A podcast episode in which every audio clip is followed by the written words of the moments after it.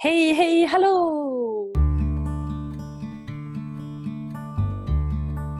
Idag ska vi prata om bibliska personer.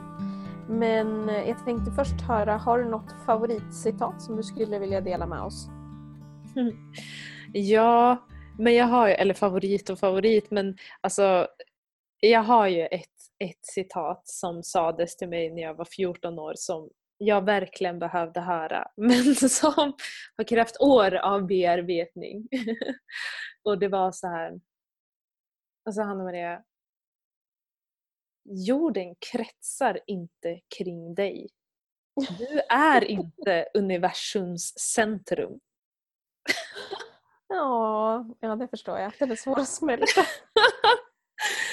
och jag blev så ställd när jag fick höra den. Eh, men absolut, det var kanske inte det bästa att säga till, som har pratat i ett annat program om, att jag hade ganska taskig självkänsla. Men mm. det påbörjade en process i mig att jag måste inte alltid ses och höras. Och man kan faktiskt släppa fram andra. Eh, och att jag inte är bortglömd bara för att jag inte hörs.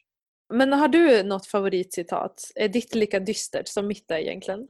Nej, alltså mitt favoritcitat som jag lever efter All I need today is a little bit of coffee and a whole lot of Jesus.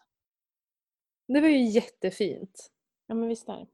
Jag tycker, ta till er det Linda säger. Stryk det jag, det jag sa. Förutom om det är en jättenarcissist. Jorden kretsar inte kring dig. Du är inte världens centrum. Du lyssnar just nu på Två vänner och en tro. Med mig, Linda. Och mig, Hanna-Maria.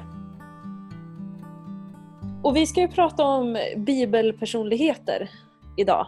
Eh, och vi tänkte mm. att vi skulle hålla oss till en person för det finns ju så otroligt mycket att säga. Och vi tänkte ju börja med ändå en som kanske ganska många kan ha hört talas om. Och det är ju en snubbe som heter Petrus. Han heter ju först Simon men sen fick han ju, kallades han för Petrus. Jag tycker det är eh, lite roligt för att han är ju en av eh, men de främsta typ lärjungarna, om man får säga så. Eh, det kanske man inte får. Men alltså han hörs ju och syns väldigt mycket när man läser i evangelierna. Det finns ju några kända texter där Jesus säger och på dig Simon Petrus ska, ska jag bygga min församling. Eh, du är klippan mm. liksom. Mm. Det roliga är ju att den individ som ledde honom till Jesus var ju hans bror. Mm. Det var ju hans brorsa som tog med honom till Jesus. Mm. Eh, det kanske är någonting som vi måste prata om vid ett annat tillfälle. Men eh, jag tycker det är lite intressant att, att det var inte Petrus själv som hittade Jesus utan han fick bli ledd till honom. Petrus var ju en fiskare. Fiskare var ju inte de mest eh, välutbildade på den tiden ganska så här äh, lågt stående i samhället måste de ju ha varit. Inte så på ett dåligt sätt men mer rent ekonomiskt. Inte, han var ju inte lågt stående som man tänker sig Matteus som var en tullindrivare. Ja, eh, som verkligen var någon man inte ville ha med att göra. Men Petrus var ju en fiskare och liksom lågt stående just för att han hade ett enkelt jobb liksom, där han tjänade pengar på det han drog in från sjön. Liksom. Ja. För mig så är ju Petrus, jag kopplar ju honom på en gång till en sång som jag lärde mig när jag var liten. Som min man blir tokig på mig ibland för jag kan börja sjunga den. Men det går ju så här. Känner du Petrus? Han var en fiskare. Känner du Petrus? I Sebedaios fiskeri. Känner du Petrus? Han var en fiskare. Han var en fiskare precis som vi. Och jag tycker det, ja men alltså jag gillar Petrus just av den anledningen att han känns så otroligt mänsklig. Han är ju den här som ifrågasätter saker och ting. Han är den som vill så mycket. Jag kan känna igen mig i honom tror jag ganska mycket. För han vill så gärna tro. Han vill så gärna vara nära Jesus. Och samtidigt så ställer han så bra frågor kan jag tycka. Som man så gärna skulle vilja ha svar på och han bara ställer dem. Och sen så är han en fiskare både i yrke men också i sin kallelse att han ska ut och göra lärjungar. Liksom. Och han är ju den som, som Jesus sen bygger hela sin kyrka på som sagt var. Jag gillar Petrus skarpt. Ja, ja men samma här. När jag tänker på Petrus så tänker jag ju ofta på att han är ju den person som, som förnekar Jesus tre gånger. Ja, men han var ju inte perfekt han heller, precis som du säger. Han, han var en, en verklig människa. Och han hade Mm. sina svagheter, han hade det han brottas med. Liksom. Petrus får ju ganska stort inflytande, han är, ju- blir ju en stor apostel. Och jag menar, hade han velat så tänker ju jag att han hade väl lätt kunnat typ slät, se till att eh, det som sades om honom i Bibeln slätades över. Alltså så att ja men typ försköna lite det här att han totalt skämmer ut sig liksom. Totalt misslyckas när han förnekar Jesus tre gånger. Jag tänker att han borde ju ha kunnat se till att det kanske skrevs om eller att, att han lyftes fram och framstod i bättre ljus. Liksom. Men det gör han inte. Utan det, de här misslyckandena får stå med i Bibeln. Och att jag tror att det är liksom en, en hälsning till mig, till dig, liksom att, till alla att det kommer komma tillfällen där vi gör fel, där vi gör misstag. Men det betyder inte att vi är avskrivna eller borträknade. Utan liksom Jesus ger inte upp hoppet om en enda person utan han kommer, han kommer och möter oss där vi är. Och liksom bara, okej okay, Hanna Maria, älskar du fortfarande mig? Ja, men då kör vi. Petrus han, han fick ju verkligen förstå vad nåden handlar om i och med det.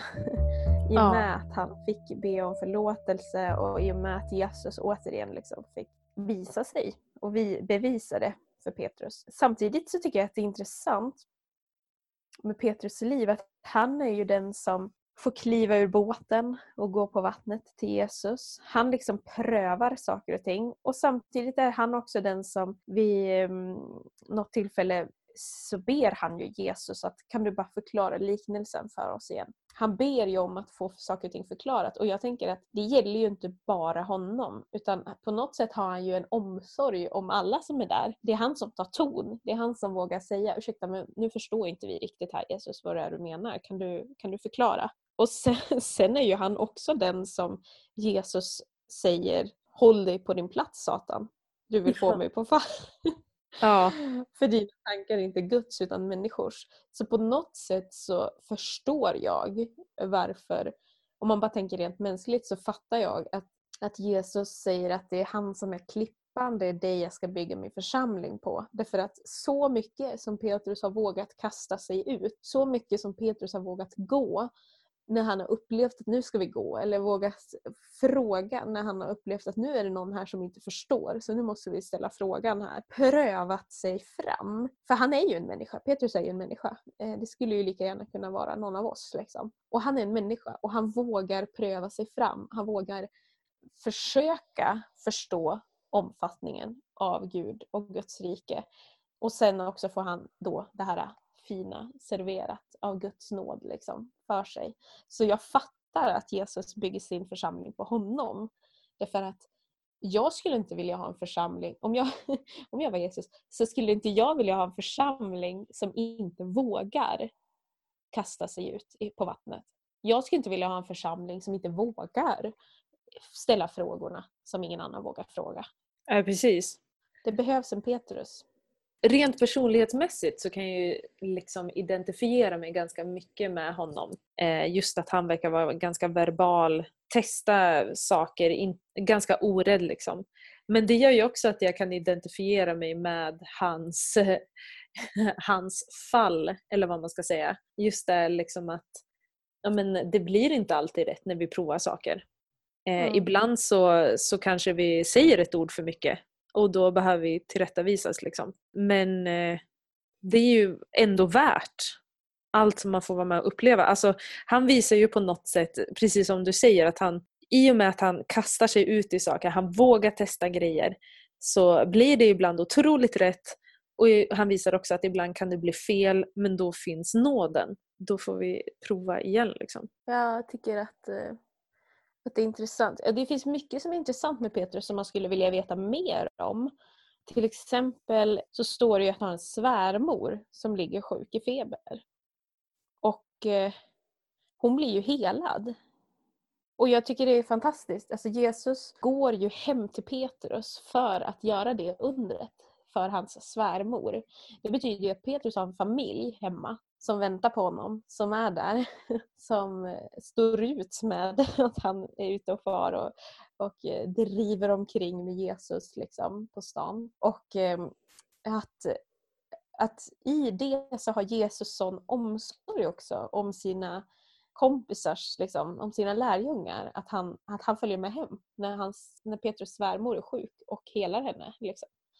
Jag tycker det också är, är fint att eh, få veta det om Petrus. Att eh, han har faktiskt ett, eh, ett helt normalt liv om man ska se det mänskligt. Liksom. Han har någonting mer än, än, att han är en apostel som bara kan fara runt överallt och, och hänga och slänga. För så tänker jag ibland om apostlarna, om lärjungarna. Att ja, men de, de blev kallade det för att de hade möjligheten att följa med. Fast ja. nej, Petrus han hade en familj. För annars ska jag inte ha en svärmor. liksom. Så han har ju folk som väntar hemma och de, alltså de, de måste ju stötta honom i det här. Annars så skulle de ju inte öppna dörren till Petrus och Jesus när de kommer där. Liksom. Mm, verkligen. Och det blir ju liksom en hälsning till oss. Att när vi liksom följer i Jesu fotspår så är det inte bara oss han har omsorg för utan även våra familjer, våra situationer där vi kommer ifrån. Att han tar hand om dem också. Om vi låter honom göra det. I kapitel 10 och vers 17 så står det Medan Petrus grubblade över meningen med den syn han hade haft. Mm. så det är liksom till och med då han fortsätter att grubbla. Liksom. Mm. Och vers 19, Petrus funderade ännu över synen. Då anden sa till honom. Ja. Det är fantastiskt alltså.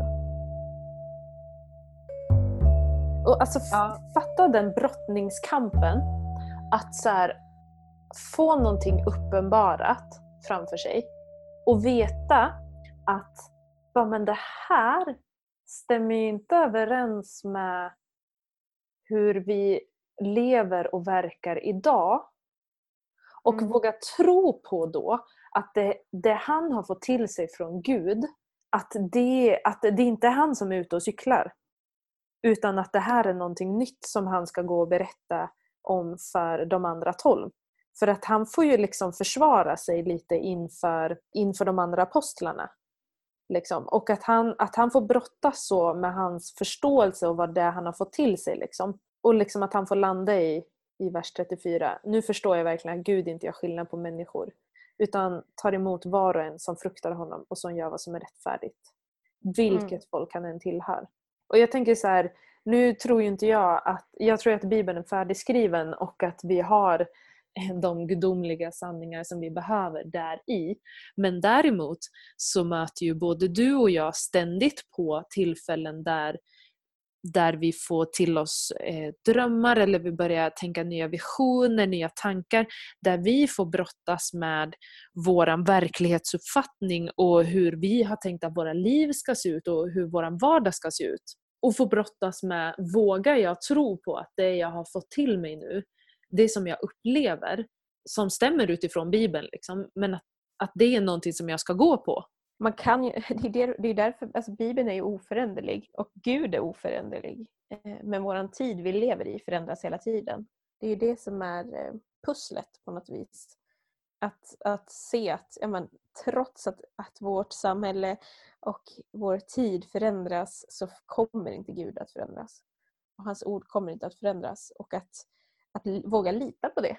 Och våga lita på att, att eh, han kommer vara med, hans ande kommer leda mig och det kommer bli fantastiskt bra. Och då känns det ju skönt att veta liksom att ja, men även liksom våra bibliska förebilder de ställs inför situationer där de måste liksom omvärdera och bara mm. okej, okay, om det här är en sanning att ta till sig, vad innebär det för mitt liv?